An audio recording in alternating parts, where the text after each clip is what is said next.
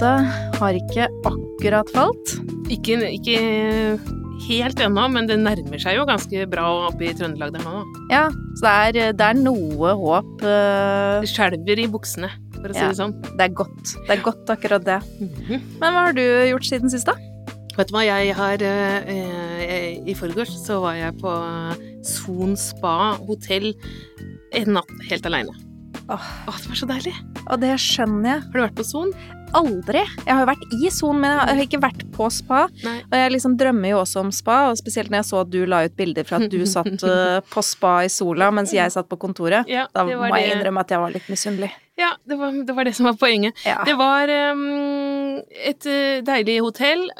Sånne spahotell er ganske like ofte, da, sånn at det er litt sånn, sånn, men det ligna litt på Farris bad og sånn. Men uh, jeg hadde et svært fint rom. Dette var en julegave da, som hadde liksom blitt utsatt av koronaen. Og så um, jobba jeg, satt og skrev, og så satt jeg på solseng og drakk rosévin og så på havet, og det var, eh, det var som en sånn døgn i Syden. Ja, i hvert fall med akkurat det været du hadde akkurat da. Mm. Så timingen kunne jo ikke ha vært bedre. Det var nydelig. Men det å skrive på hotell, mm. eller å ta inn på hotell for å skrive Du er jo ikke alene om å verken drømme om det eller gjøre det. Nei, det er en veldig sånn Det er jo ikke noe jeg gjør ofte, selvfølgelig. Det sier seg selv. Eh, Økonomisk så holder det ikke. Nei, jeg skjønte at du fikk nei til at dette skulle være månedlig. Jeg, nei, jeg spurte om det kan være hver uke. Ukentlig. Men eh, nei, en gang i året var satt, mannen min satt ned foten. Ja.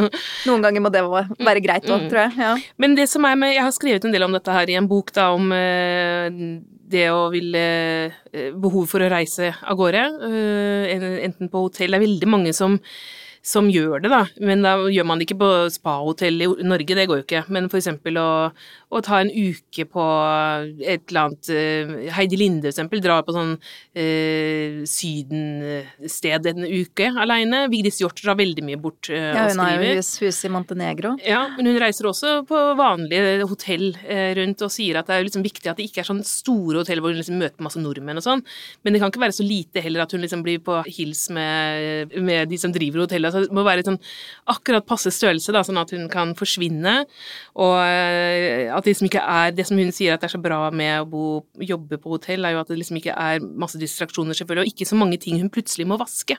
Nei, den kjenner vi jo Det er igjen, og det er jo liksom litt sånn det. Det kan vi komme tilbake til litt, for det har jo litt å si for dette hjemmekontorlivet som vi har hatt nå i senere tid også. Ja. Men eh, jeg, har også, jeg tror jeg prata om det her på, på bloggen, nei, på podden tidligere. eh, Hun Kjerstin Torvald, som er en av de jeg ofte prater om, eh, at hun da var jo sånn hotellmaniac. Hun hadde alltid en ferdigpakka bag klar utafor huset, som hun liksom, tilfelle hun ville løpe på bussen og ta hjem på hotell. Og det gjorde hun. Og det gjorde hun rett som det var.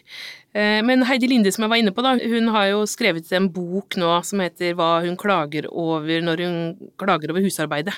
Og jeg syns nesten den boka er i en sånn Det er nesten en slags trend akkurat nå å skrive om dette her eh, hvor innestengt huslivet eh, kan være for kvinner, og dette tredje skiftet som hun snakker en del om. eh, Som betyr Altså, på 70-tallet så begynte man å snakke om dobbeltskift, ikke sant? At kvinner hadde først arbeidslivet øh, og det skiftet, og så når de kom hjem, så måtte de ta alt der. Det var det skift nummer to som Mm. kom i, i spillet, ja. Ja. Og nå er det det tredje. Og så nå, da må man si at i mellomtiden så har jo moderne menn tatt en stor del av dette andre skiftet. Eh, For det er mye jevnere nå på eh, vanlig husarbeid og barnepass og sånne ting enn det var på 70-tallet. Mm. Ikke 50-50, overhodet ikke, men mye bedre er det blitt. Men eh, så har jo da forskerne oppdaget et tredje skift, da. Eh, Så dette har blitt snakka ganske mye om i de siste par-tre åra, hvor man liksom snakker om organiseringen av familielivet og, og sånne ting. Hvem er det som holder i alle trådene, og Mm. hvem er det som vet hvor allting er, og Mm. hvem er det som eh, barna går og spør først? Mm. Det er jo noe der. Akkurat. Og alle disse her dette sosial, altså Noen kaller det for emosjonelt arbeid òg, for det handler liksom om å være den som knytter familien med resten av verden, den som husker på at uh, tante Laura har bursdag, og som sender ut uh, julekort, uh, og som lager eh, på en måte disse pakkene, så det skal være sånn utlodning på skoleavslutningen og sånn. Altså Mm. alt det derre småtingene. Men det er litt sånn morsomt, for jeg har en litt morsom eh, øvelse som jeg har gjort et par ganger ved å prøve å dele ut eh, ministerposter i familien. Ja. Rett og slett å se på hvem er det som har hvilken ministerpost, hvis Ja. du begynner å liksom eh, Grave litt samle, i det. grave litt i det. Da. Og da er det jo liksom sånn eh, Administrasjonsministeren er ofte eh, damen i huset. All kommunikasjon går også via, via henne. HR-ansvarlig, det Ja. er damer. Altså, det er de som tar seg ans ansvar for alt det menneskelige aspektet. At alle har det bra, på en måte, og alle har nok solkrem og legger merke til at håret til ungene er litt fett, og nå Mm. må de dusje og Det er Altså, det. Mens finansministeren er jo ofte mann, da. Det er jo ofte det. Mm, det Mhm. Så de der har du jo en, eh, en litt annen fordeling også. Mm. Ofte, det, det er litt sånn slitsomt hvis Altså, moderne menn i dag, de hjelper jo veldig gjerne til, selvfølgelig, og vil jo uh, gjerne bidra og sånne ting. Ja, for det står ikke på viljen. Nei, Nei. men så er det liksom sånn, noen ganger så tenker man ah, ja, fordi da må de ofte ha liksom, holdes litt i hånda, eller eh, sånn ja, hvor er Du får mye sånn spørsmål hvor, hvor, hvor vil du ha den? Jeg bare hvor jeg vil ha den? Altså, jeg vil ha den der den skal stå, for faen. Ja. altså, Samme sted som sist, Ja. faktisk. og så mye sånn spørsmål. Hvor hvor er slikkepotten? Er dette nok smør? Eller er liksom, er den egodiosisen piska nok? Hva har vi i kjøleskapet? Har vi kardemomme? Ja. Skal gulrøttene skjæres på langs eller tvers? Bare så, ah, samme faen, det, liksom. Ja. Nei, Det er akkurat det. ikke sånne ting man har lyst til å ha i huet. Så den ministerposten som masekjerring Den er eh, definitivt uh, vår. Eh, Ja. det, er jo, altså, det er jo ingen damer som har lyst til å være masekjerring, selvfølgelig. Nei, nei, verken på partner eller på ungene. Ikke det hele Og det er jo det man prøver å forklare disse barna også. Hver gang når de er sånn «Å, 'Mamma, ikke mas, da'. Mm. 'Å, men jeg har jo ikke lyst til det'. Men hvis du hadde gjort det du skal gjøre første gangen, så hadde det ikke blitt sånn. Men det, altså en ting er unger, men det med, med menn også, som, som er velvillige menn, som er sånn Ja, men det er bare å spørre mamma å gjøre det. Altså Hvis du er irritert for at det liksom, noe For er noe veldig, ikke veldig gjort. ja, den, De har bare skritta over. Ikke sant? For eksempel i trappa så ligger det veldig ofte ting som skal bæres opp.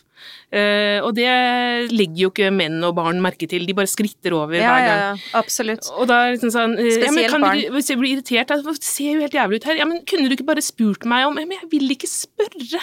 For det er liksom det der du skal se at det Ja. ligger ting i trappa, og ta det med deg. For man blir eh, da denne masekjerringa som ikke er en del av identiteten din. Nei.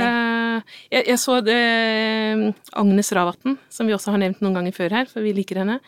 Hun skrev i en bok dette eh, festskriftet til Vigdis Hjorth eh, når hun fylte 60. Eh, så skriver hun liksom om, spekulerer litt i årsaken til at en del kvinner velger å være utro.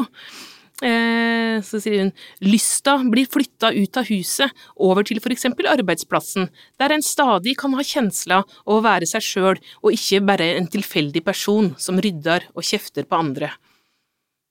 Riktig. Mm. Så det er jo eh, noe å Det er en tenke på. trussel. Det, er, det er egentlig det, men det var Agnes Ravatn som ja, sa det den. var Agnes. Så det er men, eh, men det er vel også noe med vane og hvordan Altså, det er jo en øvelse, dette her, så neste generasjon, kanskje, Mm. skal vi jo åpne Vi får prøve det. Jeg må jo si at vi, vi gjorde et lite eksperiment med min sønn nå, med å, å legge ting som han skulle ha med seg ned på rommet sitt eh, i trappa. Du kunne ikke komme deg inn i trappa uten å liksom tråkke på. Han gikk, tråkka over det tre ganger. Hmm. Så eh, jeg har en jobb å gjøre. Mm. Absolutt. Men nå syns jeg også at hvis en siste gang skal ta en liten tur innom sexisten Knut Hamsun Ja, det har blitt en serie. Det er en liten serie, men jeg tror kanskje nå siste Ja, vi avslutter. vi avslutter den her. Ja, stakkars mann. Ja. Nei, det er ikke noe synd på ham. Men eh, det, nei, det var jo eh, det med Anna Munch vi har snakket, nevnt det tidligere. At Ja, vi skulle vi. snakke om Anna Munch. Eh, og det er jo eh, en dame som i tidligere sånne tjukke Hamsun-biografier ofte bare har fått ett avsnitt. At det, ja, Stalkeren. ja, Stalkeren kom, Anna Munch. Plutselig kom det en gæren dame og fulgte etter eh, Hamsun og sånn, Ja. og så heldigvis så ble han kvitt hun, og så det var liksom omtrent det de har brydd seg om eh, henne. Eh, men så kom jo Selma Lønning Aarø med en sånn eh, bok om Anna Munch. Det var en roman, riktignok, men Mm. veldig researchbasert, da. Så det Mm. var jo eh, stort sett eh, historien om henne. Hun var jo en forfatter, hun også. Eh, en av de første kvinnelige medlemmene i Den norske forfatterforening.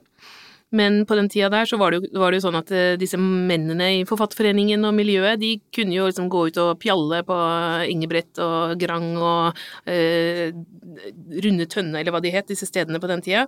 Eh, mens eh, damene kunne jo ikke være ute i det hele tatt aleine, uten anstand. De, så de fikk jo ikke være Altså, det, de kvinnelige forfatterne jo, ble jo ikke en del av miljøet på samme måte.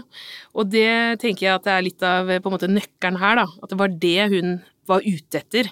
Eh, Anna Munch hun hadde lyst til å være en del av et litterært miljø. Hun ville ha samtalepartnere som likte de samme tingene som henne, det vil si å skrive. Ja. Og hun hadde jo også en ektemann som ikke akkurat heia på den skrivingen. Nei, hun var gift med en fyr som eh, het Peder Ragnvald Munch. Han var jo fetteren til Edvard Munch, det er derfor hun heter, har det navnet. Men øh, han så ikke på skriving som noen passende kvinneaktivitet. Han hadde ikke tro på kvinnelig åndsarbeid.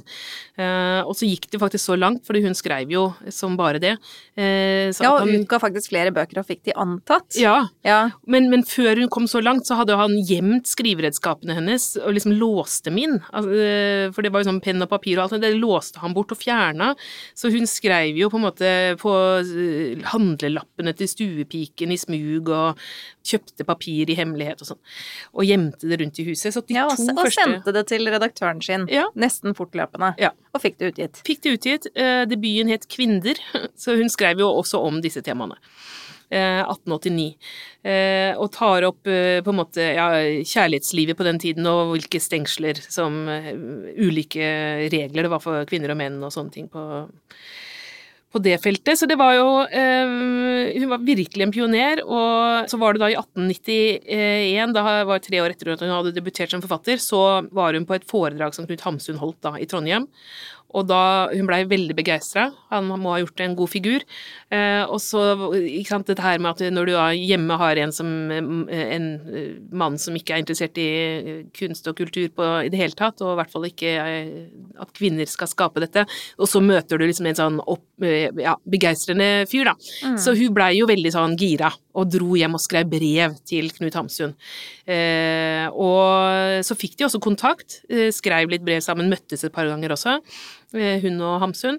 Men så var jo hun mer interessert i han enn motsatt, da. Ikke, i, mm. ikke, ikke i sånn seksuelt. Nei, det er det som egentlig i Selma Lønning Aares bok kommer mm. frem litt tydeligere. Ja. Det er det at det var et sånn platonisk eh, interesse, primært, så vidt man kan se, hvis ja. man baserer seg på det som faktisk finnes av kilder her. Men han syns Men det blei jo for mye, da. Hun, eh, hun forfulgte han jo litt, altså. altså hun var nok sikkert litt intens. Litt intens. Hun ja. dro også på Han dro av gårde for å skrive på sånn pensjonater. Og hun og, dro etter. Og hun dro etter, liksom. Mm. Så, han dro til Paris, og hun dro etter. Det var jo voldsomt. Ja. Så jeg skjønner jo det, at, ble, at, det ble litt mye. Eh, dette er mange, mange år siden, før han gifta seg med Marie Hamsun, mm. da, så det er ikke det at han var gift, men, eh, men det ble intenst. Så han anmeldte henne da til politi. Eh, på Oslo politikammer og fikk eh, besøksforbud. Og i den anmeldelsen så kaller han henne da en rød, fet flodhest skulle liksom virkelig understreke at han ikke var interessert. Ja, for det var veldig viktig å si at hun var stygg. Ja, ja. Det, var, det, var, hun jo heller ikke. Hun var heller ikke men, stygg. Ikke at det har noe med saken å gjøre. Nei, men det har også blitt referert til i noen av de biografiene som du ja, sa, at hun var et, et ikke pen dame. Det er veldig vanlig at den typen karakteristikker som er kommet i sin samtid, eh, blir hengende igjen. Eh, jeg har jo lest så mye i sånn Wikipedia-artikler og også Store norske leksikon, hvor noe som har blitt sagt om en kvinnes utseende for 150 år siden, står liksom helt sånn tydelig fremdeles i dag. Mm. At ja, hun var ikke akkurat direkte vakker, men hadde allikevel litt sjarm og sånn. Det er liksom setning nummer to. Det er helt uvedkommende egentlig, men så er det jo også litt morsomt når man ser da hvordan noen kvinner faktisk ble karikert karikert. Mm. Altså, de prøvde å ta sin plass, de prøvde å gjøre et navn ut av seg, og så ble de faktisk i sin samtid karikert. Mm. Og at man da gikk løs på utseendet deres. Og det er jo det som Klassisk. da henger igjen seinere. Knut Hamsun eh, kommenterte jo også utseendet til eh, Selma Lagerlöf. Ja. Eh, han hadde nemlig henne til bords når han fikk nobelprisen i Stockholm, og når eh, han kom hjem, så hadde han sagt til Marie at han irriterte seg over Selmas lange overleppe og skjeggete hake. Det var det han noterte seg. Det var det han huska fra den uh, ja. middagen. Men Selma Lagerlöf, hun ja. er jo også en av disse kvinnene som vi har i denne skålen vår. Ja. Så la oss eh, bare bruke denne anledningen til å snakke litt om henne. Ja, for vi, hadde, vi har planlagt å snakke om Selma, og vi snakka jo ganske nylig om Gertrude Stein, som har litt sånn egentlig noen likhetstrekk med Selma i forhold til eh, eh, det å leve som lesbisk i et lesbisk forhold med noen damer som hjelper deg med alt, mm. og støtter og, og bidrar Altså egentlig å leve som en kulturmann, da. Ja. Du tar deg en hustru som kan gjøre alt det praktiske. Og ja, der er det Selma veldig... Lagerlöf hadde jo nærmest to. Hun hadde vært Hun hadde én hjemme som hjalp til med alt, Valborg Olander. De, hun bodde, de bodde sammen i årevis. Og så hadde hun en eh, til, ja, en som hun reiste med, som het Sofie El Khan. Og så sa hun, hun uttalte om denne situasjonen selv, når jeg vil ha det gøy, roper jeg på Sofie, når jeg vil ha hjelp, roper jeg på Valborg. Veldig praktisk. ja, det er liksom... Ja, ja, ja. Fortell også om det er det tredje skiftet. Hun hadde sikta seg og ikke holdt på med det. Virkelig, altså. Ja. Altså, Valborg Olander da var eh, en eh, lærerinne og kvinneaktivist eh, som bodde i lange perioder på Mårbakka, som var huset til Selma Lagerlöf i Värmland. Hun hjalp til da med alt det praktiske, som sagt. Hun reinskrev og korrigerte manus, ga råd på de, svarte på brev, det kom veldig mye brev, holdt orden på det økonomiske og alt sånt, da. Så det var på en måte ja. Lag, lagde hun maten også? Jeg tror kanskje de hadde hushjelper eh, også, fordi at eh, dette var jo en periode hvor Selma var eh, Sveriges mest populære eh, forfatter. Hun eh, vant jo Heter det vant, eller mottok? Mottok, ja. mottok Nobelprisen i litteratur som første kvinne. 1909. 1909 var det. Og da eh, Det var jo da etter en lang eh, Mye motstand fra menn, særlig da fra den stendige sekretæreren, eh, som het eh, Carl David Afvirsen. Han hadde den stillingen i veldig mange år. Og han hata kvinnelige forfattere generelt, eh, men Selma spesielt. Så hver gang hennes navn kom opp, så klarte han å sette ned foten for det. Eh, men så var det jo da som sagt at hun var blitt så populær, og presset blei stort, så hun fikk jo da prisen. Hun kunne ikke forbigås lenger. Nei. Nei. Og da eh, nekta han altså Vanligvis så skal jo den sekretæren eh, sekre, Sekretæreren, eh, du må rette meg Sekretæreren, ja. ja. Eh, holde tale for vinneren. Eh, men det nekta han, da. Det. Og det var jo også sånn Det ble lagd en egen kvinnefest for å feire Selma. Eh, så det er veldig sånn typisk at man Det var jo på en måte sikkert en fin eh, ting, det, da, men, men det blei veldig sånn separat. De mennene ville ikke ha noe med dette å gjøre. Nei, det var jo på en tid hvor man hadde jo ikke stemmerett engang, så Nei. det sammenfalt nok mye med liksom å se at noen, en kvinne, mottok nobelprisen i litteratur, må jo ha vært en seier for de kvinneaktivistene ja. som var. Ja, ikke sant. Så, det må være rart å få nobelprisen før du har rett til å stemme, liksom. Det er, det er ganske sprøtt. Det er sprøtt. Så det begynne å tenke på hva det faktisk innebærer. Men uh, dette med å leve som eh, lesbisk, det har jeg liksom tenkt litt over, for det, er skrevet en god del om det i de siste åra. For det er jo det at det er vanskelig å si. De, ordet fantes jo ikke, ikke sant. Nei. Eh, det var ingen som visste hva det var. Og Nei, dermed så på Wikipedia så står det jo fortsatt at hun hadde to venninner mm. slash livskamerater. Ja. Ikke sant? Man kunne ikke man, det Men det tenker jeg, det kunne man jo kanskje ha sagt i dag, da. Ja, det, det er liksom litt vanskelig. Jeg, jeg har stått i det selv når jeg skulle skrive om eksempel Marie Høeg, eh, en sånn lesbisk forfatt, nei, fotograf som eh, var med og startet den, selska, eller som starta Den selskapelige diskusjonsforening, mm. som vi var innom i forrige ja, den episode. Originale. Den originale.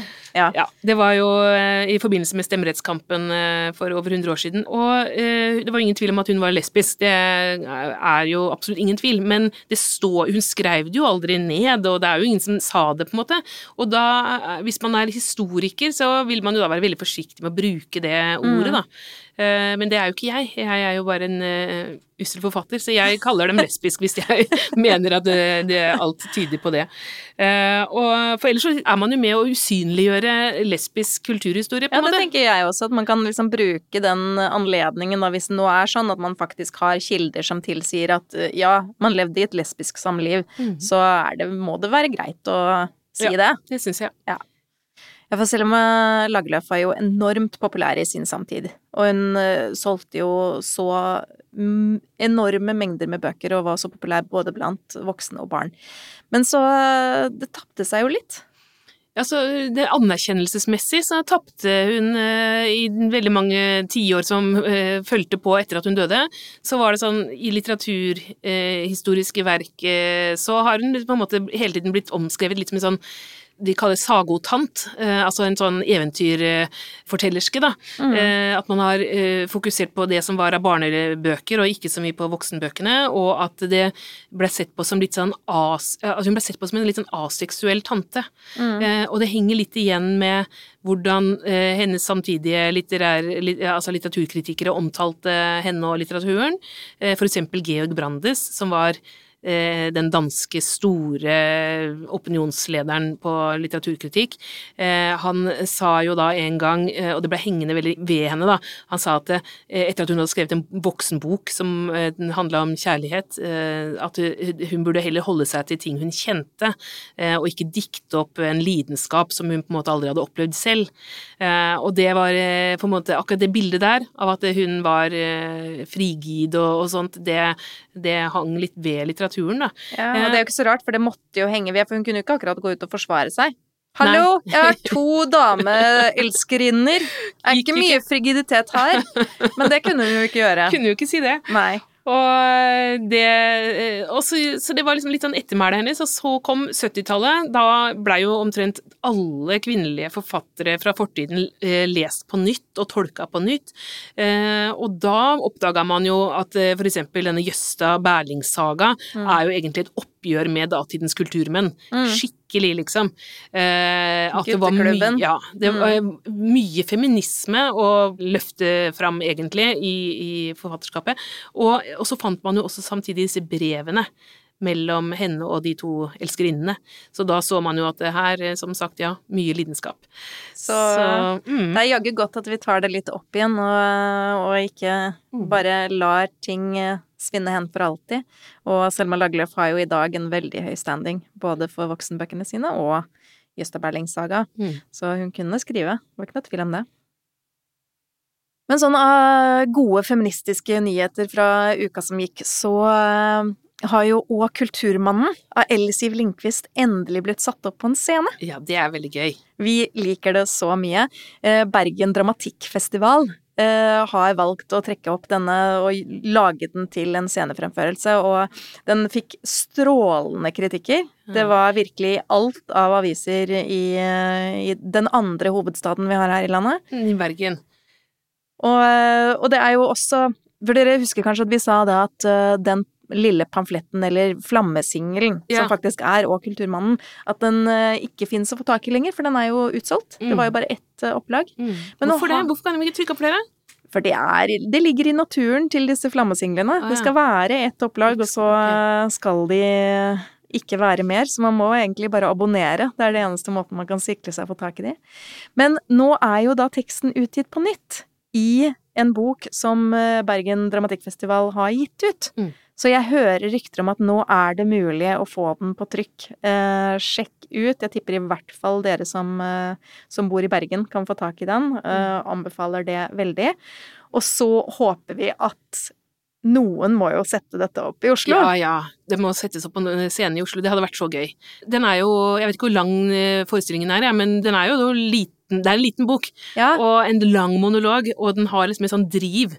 Ja, men det blir Eh, liksom sånne vaginamonologene, Ja, sånn, eller altså ja, ja. kjøre på med Mm. liksom den type produksjon. Uh, og, og det funker jo, helt Mm. opplagt når den får sånne kritikker. Så hvilke scener har vi her i Oslo som kan få satt den opp Ja, i en må- feiende fart? ja. Det Hvis ikke noen til. ordner det, så gjør vi det. Ja, det gjør vi. Du har hørt podkasten 'Patriarkatet faller' av og med Marta Breen og Anette Garpestad. Teknikk og musikk ved Margarita Krimici. Og utgiver er Cappelen Dam Forlag.